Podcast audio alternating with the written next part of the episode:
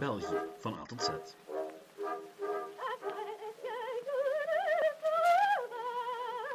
Welkom bij België van A tot Z en welkom bij letter X. Wel, technisch gezien de letter X. In de praktijk heb ik het onderwerp voor deze redelijk onmogelijke letter laten afhangen van u, mijn luisterende publiek. En u mocht kiezen tussen een zevental opties en koos uiteindelijk voor een stukje hypothetische geschiedenis. Met andere woorden, de vraag: wat als België en Nederland in 1830 bij elkaar gebleven waren? Wel, op die vraag geef ik vandaag een antwoord. Of ik ga het in elk geval proberen. In deze aflevering doorlopen we dus de Europese geschiedenis van 1830 tot net na de Tweede Wereldoorlog, maar dan zonder een onafhankelijk België, maar met een Verenigd Koninkrijk der Nederlanden. We hebben het bij gevolg over Waals nationalisme, een industriële grootmacht, taalwetten en een ongekoloniseerd Congo. Dat en meer in deze aflevering van Geschiedenis van België. Laat me eerlijk zijn, ik was aangenaam verrast toen dit onderwerp uit de bus kwam. Eerlijk gezegd verwacht ik me aan collaboratie of mei 68, maar nee hoor, hypothetische geschiedenis. Voor we verder gaan, wil ik het even hebben over wat dat eigenlijk is. Kort samengevat gaat hypothetische geschiedenis over de wat als vraag. U weet wel, vragen zoals wat als Hitler gesneuveld was tijdens Wereldoorlog 1? Wat als Nazi-Duitsland Wereldoorlog 2 had gewonnen? Wat als Napoleon won bij Waterloo? Boeiende vragen, maar toch algemeen beschouwd als onwetenschappelijk. Want ja, daar kan je toch niks nuttigs op zeggen om die vragen. Toch niks dat steek houdt, of dat je begrip van de hele periode iets bijbrengt. Wel, dat dacht ik vroeger ook, tot in oktober 2014 een boek verscheen waar een heleboel leden van de vakgroep geschiedenis van mijn alma mater, de UGent, aan meegewerkt hadden. Het land dat nooit was. Een tegenfeitelijke geschiedenis van België. In elf hoofdstukken gingen provinciële academici evenveel wat-als vragen te lijf. En dat boek toonde mij het nut van wat-als vragen aan. Want door enkele parameters te veranderen, kan je erachter komen wat de belangrijkste factoren waren in een bepaalde periode. Niet dat er sluitende conclusies mogelijk zijn, ver van, maar de denkoefening alleen al is heel erg boeiend. En het helpt je om de wereld niet te zien als ja, een gedane zaak. Je ziet wat is gebeurd, maar ook wat kon gebeuren. En daardoor begrijp je ook beter waarom gebeurd is wat nu eigenlijk in de geschiedenisboeken staat. Goed, daarover gaan we van, dat gaan we vandaag dus doen. Speculeren over wat zou kunnen gebeurd zijn. Ik ben trouwens niet de eerste die deze vraag aanpakt. In 2015 vonden enkele symposia plaats waar historici en politici van beide kanten van de Moerdijk het al over de hypothetische geschiedenis van het Verenigd Koninkrijk hadden. Een link naar enkele artikels en podcasts, opnames daarvan, vindt u in de descriptie.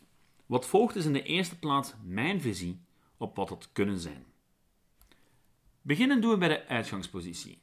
Het idee dat België en Nederland nooit uit elkaar waren gegaan. Goed, wat had er moeten gebeuren om dat te vermijden? Wat moeten we veranderen in onze hypothetische beginsituatie om te zorgen dat die splitsing nooit plaatsvindt? Want als we plots doen alsof er in 1830 helemaal geen vlekje aan de lucht was, dan zullen we alle conclusies die we hier natrekken, ja, ook in de vuilbak moeten gooien. Laten we dus allereerst terugkeren naar de revolutie van 1830. Uh, eh, voor zij die daar wat meer informatie over, voor willen, ik verwijs u graag door naar aflevering 8, 9 en 10 van Waarom van België en de aflevering over de, de tiendaagse veldtocht en Leopold 1. Goed, we beginnen ons verhaal bij Willem I. Willem I die door heel wat mensen geïdentificeerd werd als de voornaamste oorzaak van de splitsing tussen Noord en Zuid. Er zijn heel wat historici die geloven dat, mocht Willem I een andere attitude hebben gehad, de splitsing misschien nooit had plaatsgevonden.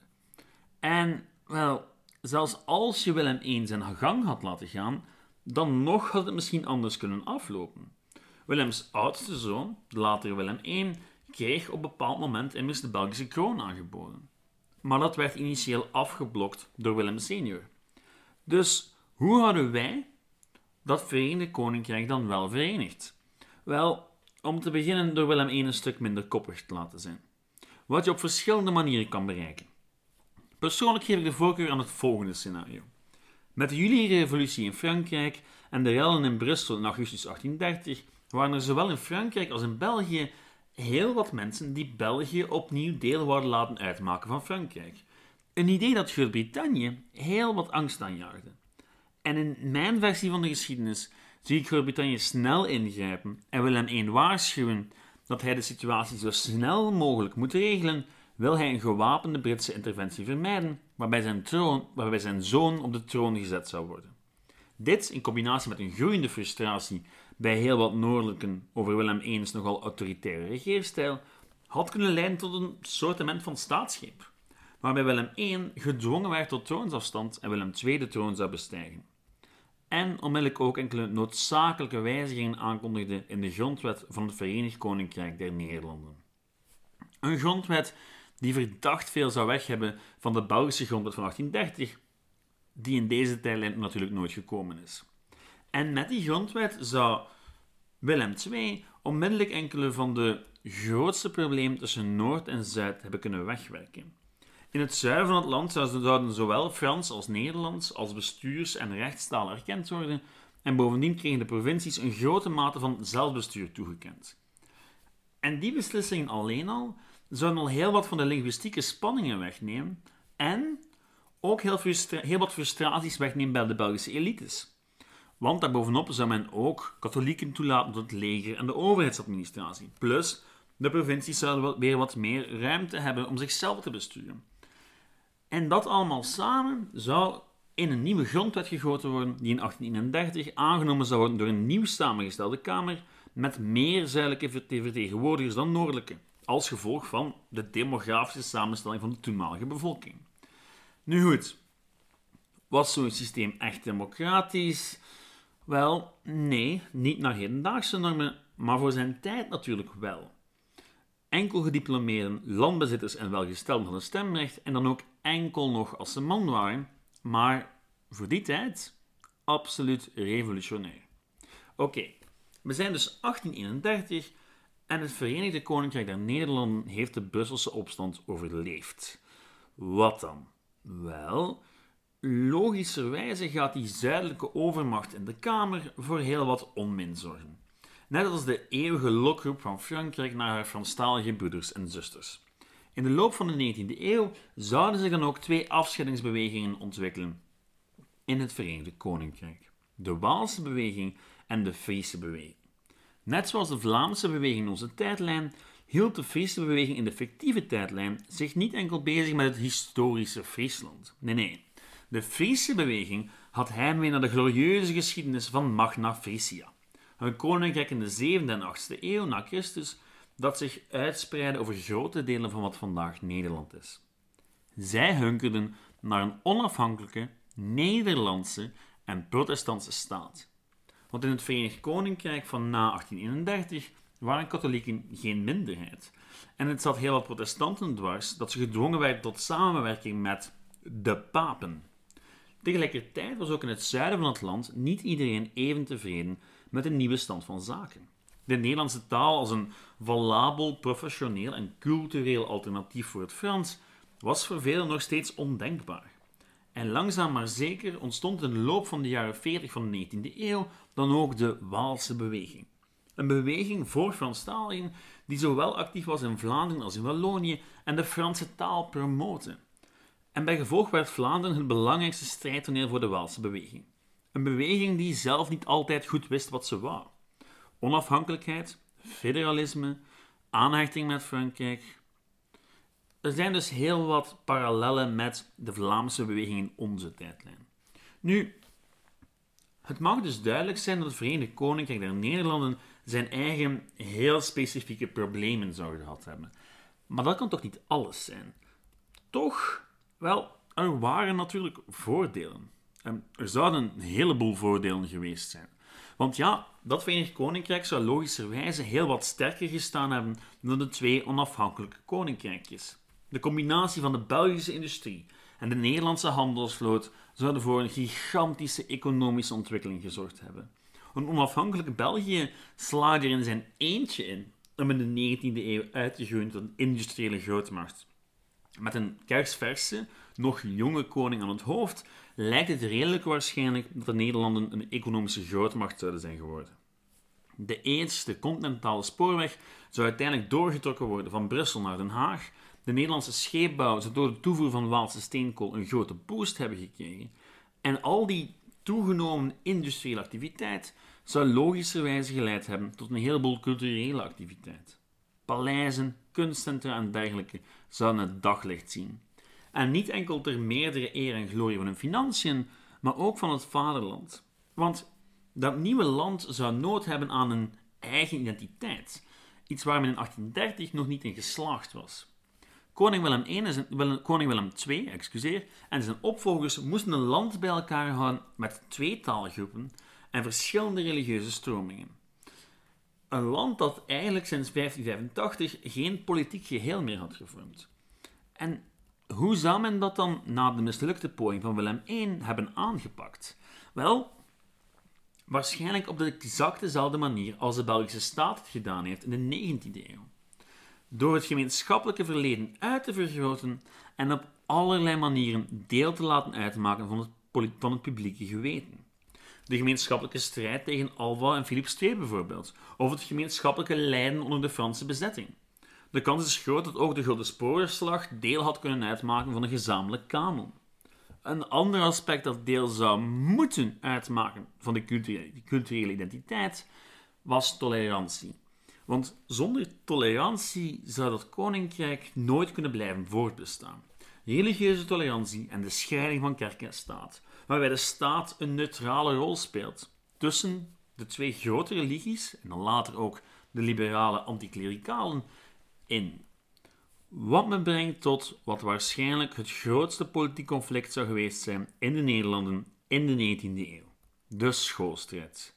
Nu, aan die eerste Belgische schoolstrijd heb ik al een aflevering gewijd, maar er bestaat ook zoiets als de Nederlandse schoolstrijd. En ja, ik ga er eigenlijk niet al te veel woorden aan vuil maken, want die schoolstrijden die lopen min of meer gelijk, zowel in België als in Nederland.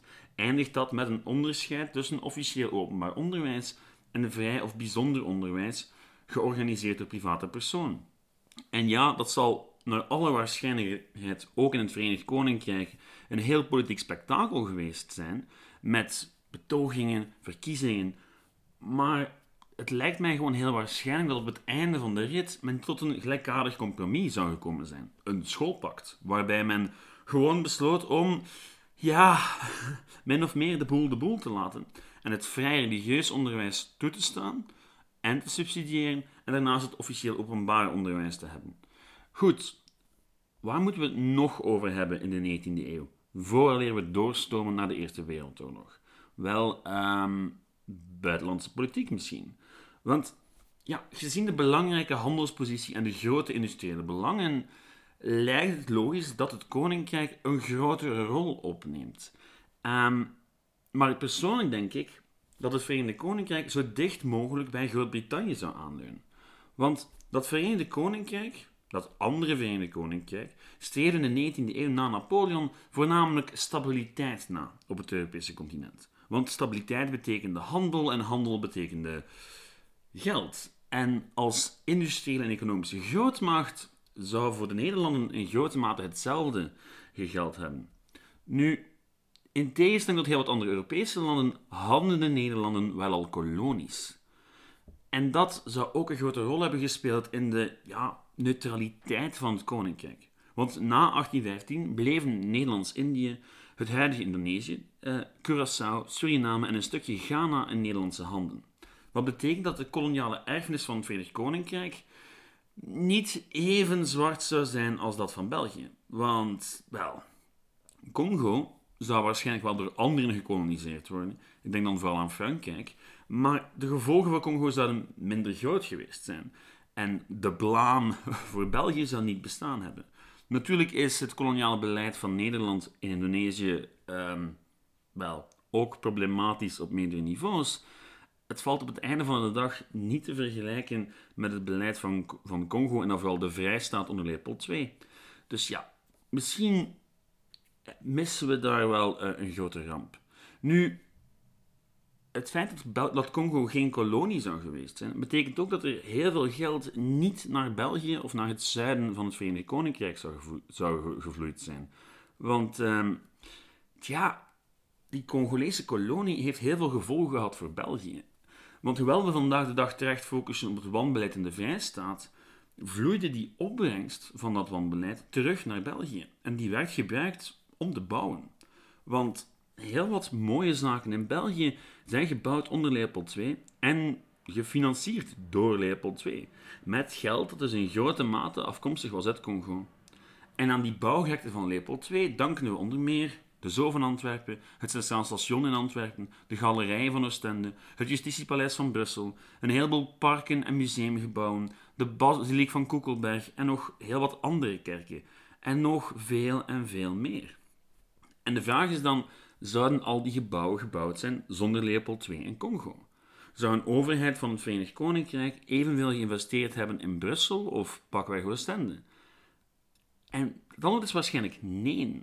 Waarschijnlijk zou dat geld in grote mate naar de hoofdstad of naar de provinciale hoofdsteden gegaan zijn. Nu, dit brengt me even tot een andere vraag. In de 19e eeuw investeren nieuwe natiestaten heel veel geld in infrastructuur en gebouwen, vooral in hun hoofdsteden. Maar eh, wat was dan de hoofdstad van het Verenigd Koninkrijk? Tijdens de 15 jaar dat het echt bestond, was dat Den Haag en Brussel. Afwisselend om de zes maanden. Ja, het lijkt mij redelijk logisch dat die split op langere termijn niet houdbaar was. Maar hoe los je dat dan op? Wel, als je het mij vraagt, dan zou het beste nog een stad geweest zijn ergens te midden van de twee belangrijkste steden van het land, zijnde Brussel en Amsterdam. Niet Antwerpen, wat dan weer te zuidelijk gelegen zou zijn en op zich al ja, een heel belangrijke politieke grootstad zou zijn. En naar alle waarschijnlijkheid de economisch belangrijkste stad van de Nederlanden. Want in een Verenigd Koninkrijk der Nederlanden is de kans heel groot dat Rotterdam nooit uitgegroeid zou zijn tot grootste haven van Europa. Ze zouden daar nooit de kans toegekregen hebben. Want die eer zou hoogstwaarschijnlijk Antwerpen toegekomen zijn. Geld voor, infrastructuurwerken voor de haven zou naar Antwerpen gegaan zijn, want ja, die lag er al. En dan is het ook logisch dat de centrale overheid daarop zou focussen. Nu, net die grote status van Antwerpen en het Antwerpse ja, karakter zou er waarschijnlijk voor gezorgd hebben dat niemand buiten Antwerpen hen de titel van hoofdstad had willen toekennen. Maar ja, waar dan wel? Tilburg, Turnhout, plekken die dicht bij de grens liggen? Wel, met een beetje verbeelding had men voor Baarle gekozen. U weet wel, Baarle. De plek waar ik al een aflevering aan gewijd heb en die tot op de dag van vandaag verdeeld is tussen België en Nederland met absoluut belachelijke grenzen. Nu, Baarle is dan wel geen spectaculaire plek, maar wel een heel symbolische. En omdat ze eigenlijk al honderden jaren tegelijkertijd tot beide grondgebieden behoorden, ook een heel neutrale plek. Baarle zou kunnen dienen als een standplaats voor de centrale regering en het parlement, terwijl de koning naar alle waarschijnlijkheid in Amsterdam zou verblijven. Dus ja, dat is wel een mooi verhaal. En er zijn heel veel landen die een dergelijke ja, ja, die een dergelijke hoofdstad hebben die niet echt een metropolis. Denk maar aan Australië en andere. Nu goed, naast de nationale regeringen zouden de provincies vanuit hun respectievelijke hoofdsteden bestuurd worden. En omdat de provincies iets meer te zeggen zouden hebben gehad, zou daar ook wel geld geïnvesteerd zijn. Oké, we hebben dus een centrale hoofdstad. Wat nog? Wel, op het einde van de 19e eeuw moesten alle Europese natiestaten afrekenen met twee processen: democratisering en ja, wat ik dan noem proletarisering. Het ontstaan van een hele grote bevolking van arbeiders die rechten willen. Nu, het Verenigd Koninkrijk zou daarin waarschijnlijk ja, de loop der geschiedenis gevolgd hebben. Want het stemrecht van de grondwet van 1831 zou bijna zeker zijn kiesrecht geweest zijn. In de loop van de 19e eeuw zou men dat gevoelig uitgebreid hebben, maar de kans is groot dat het voor echt algemeen kiesrecht toch wachten zou geweest zijn tot na de Eerste Wereldoorlog. Want ja, dat was het in de realiteit in zowel België als Nederland. Hetzelfde geldt min of meer voor sociale wetten die de ergste gevolgen van de Tweede Industriële Revolutie moesten aanpakken. Een eengemaakt koninkrijk zou weinig aan die evoluties veranderd hebben.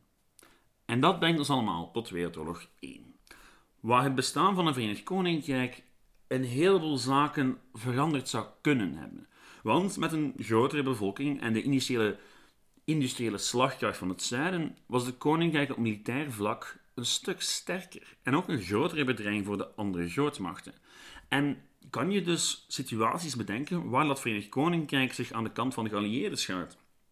en de oorlog een stuk minder lang duurt. Of ze gaan de kant van de Duitsers gaat en de oorlog een stuk minder lang duurt, maar met een andere afloop.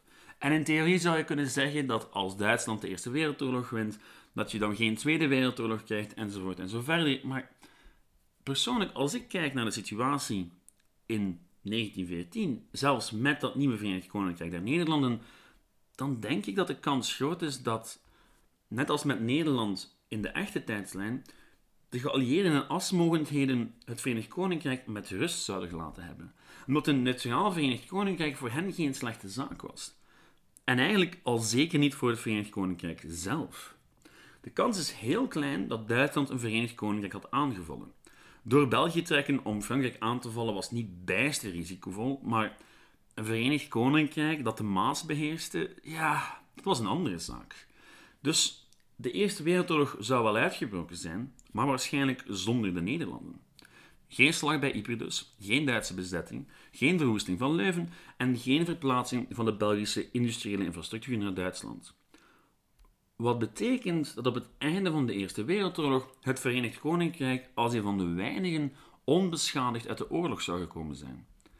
En ja, dat wil dan ook zeggen dat de jaren 20 misschien wel de mooiste in de geschiedenis van het Koninkrijk zouden geweest zijn.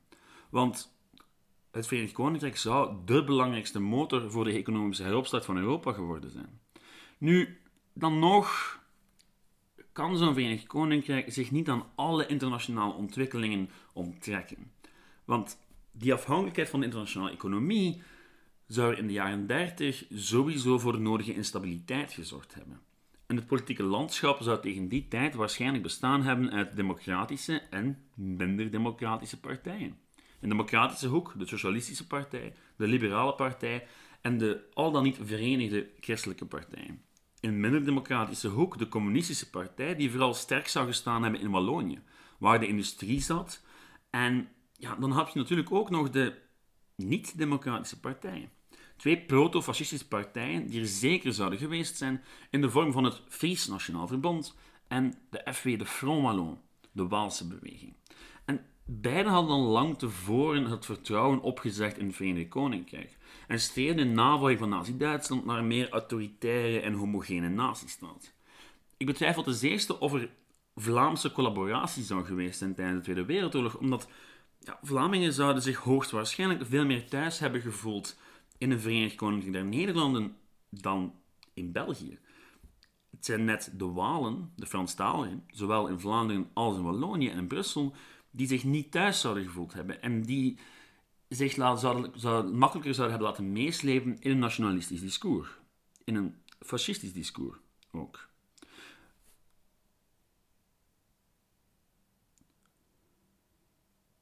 Nu, vreemd genoeg zouden die twee partijen, het Fries Nationaal Verbond en de Front Wallon, waarschijnlijk bondgenoten geweest zijn, daar ze beiden de afscheiding van hun relatieve landsdelen waren. Een splitsing Nederland-België dus. En beiden hadden het ook gehad met democratie, omdat ze via de democratie hun doelen niet konden verwezenlijken. Net als de NSB, het VNV en Rex in de echte tijdlijn. Wat hen natuurlijk uiterst vatbaar maakte voor collaboratie met Nazi-Duitsland. En de kans is dan ook groot dat die net zoals het Vlaamse VNV in de echte tijdslijn meegefinancierd zouden worden door de nazi's in Duitsland, met het oog op Wereldoorlog 2.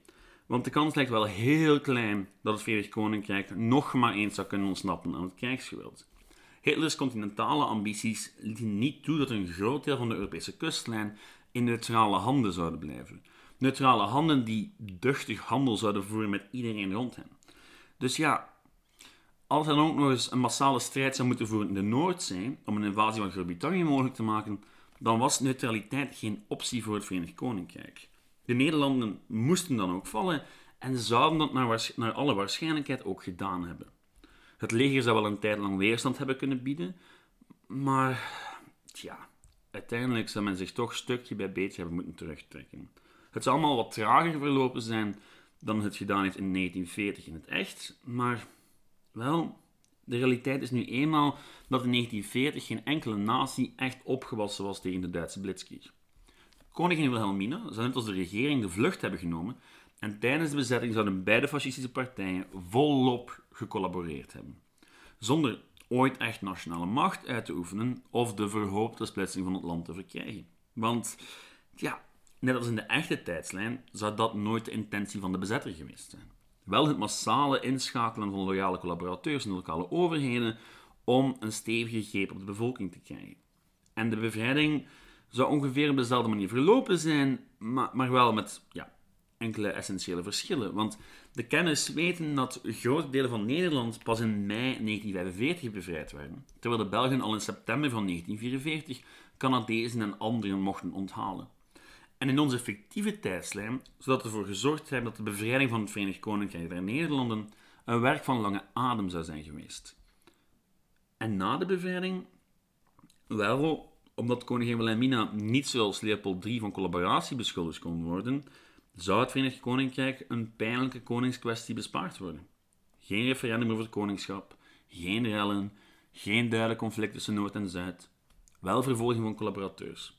Zowel in het noorden als in het zuiden, en met alle gevolgen van dien, zijn de verbittering in die twee nationalistische bewegingen en een verder streven naar afscheiding of een meer gefederaliseerde staat. En wel, hoe dat precies zou uitdraaien, wel, het verzinnen van dat antwoord laat ik met veel plezier aan u over. We kunnen over nog heel veel andere dingen speculeren. De kans is groot dat zo'n Verenigd Koninkrijk een van de belangrijkste drijvende krachten en stichters van Europa zou zijn. Net als België en Nederland geweest zijn. Het is een beetje moeilijk om te blijven speculeren. Want hoe verder je komt van het beginpunt, hoe moeilijker het wordt. Nu, u bent heel erg welkom om uw eigen versies van dit verhaal te vervolgen en te schrijven op de Facebookgroep. Maar ik laat het voor vandaag hierbij, want dit was ver van een makkelijke aflevering om te schrijven. Maar, zoals altijd, wel een hele boeiende. Al moet ik natuurlijk wel benadrukken dat u al het bovenstaande met een kooltje zout moet nemen. En dat ik lang niet elk mogelijk aspect van de geschiedenis van een mogelijk Verenigd Koninkrijk naar Nederland heb toegelicht. Um, ik heb mijn best gedaan met de middelen tot mijn beschikking, maar op het einde van de rit blijft het natuurlijk een hypothetische geschiedenis van een land dat nooit bestaan heeft. En toch is het boeiend om over na te denken. Want ik ben er echt van overtuigd dat zelfs in een welvarend Verenigd Koninkrijk der Nederlanden er altijd separatisme zou bestaan hebben. Het was onvermijdelijk. Het boeiendste misschien wel is om na te denken over de rol die het land gespeeld zou kunnen hebben in de internationale politiek. Maar, en dit is misschien een ontgoocheling voor sommigen onder u, het lijkt mij weinig waarschijnlijk dat dat Verenigde Koninkrijk der Nederlanden ooit echt had kunnen blijven bestaan.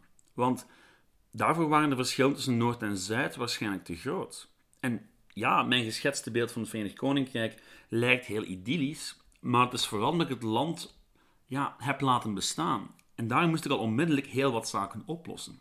Ik moest onmiddellijk al taalwetten invoeren die in de realiteit pas veel en veel later gekomen zijn.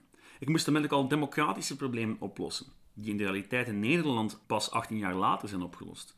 Dus ja, eerlijk waar, de kans is klein dat het echt zo gebeurd zou zijn. Ik zal de laatste zijn om te ontkennen dat het Verenigd Koninkrijk gigantisch potentieel had, maar ook de eerste om toe te geven dat de kans relatief klein was dat het zou blijven bestaan. Maar goed, we zullen het nooit echt weten. Volgende week hebben we het over de heel erg echte taalgrens. Bent u echt nog niet uitgepraat over ons wat als verhaal van deze week? Dan kan u het gesprek verder op de Facebookpagina.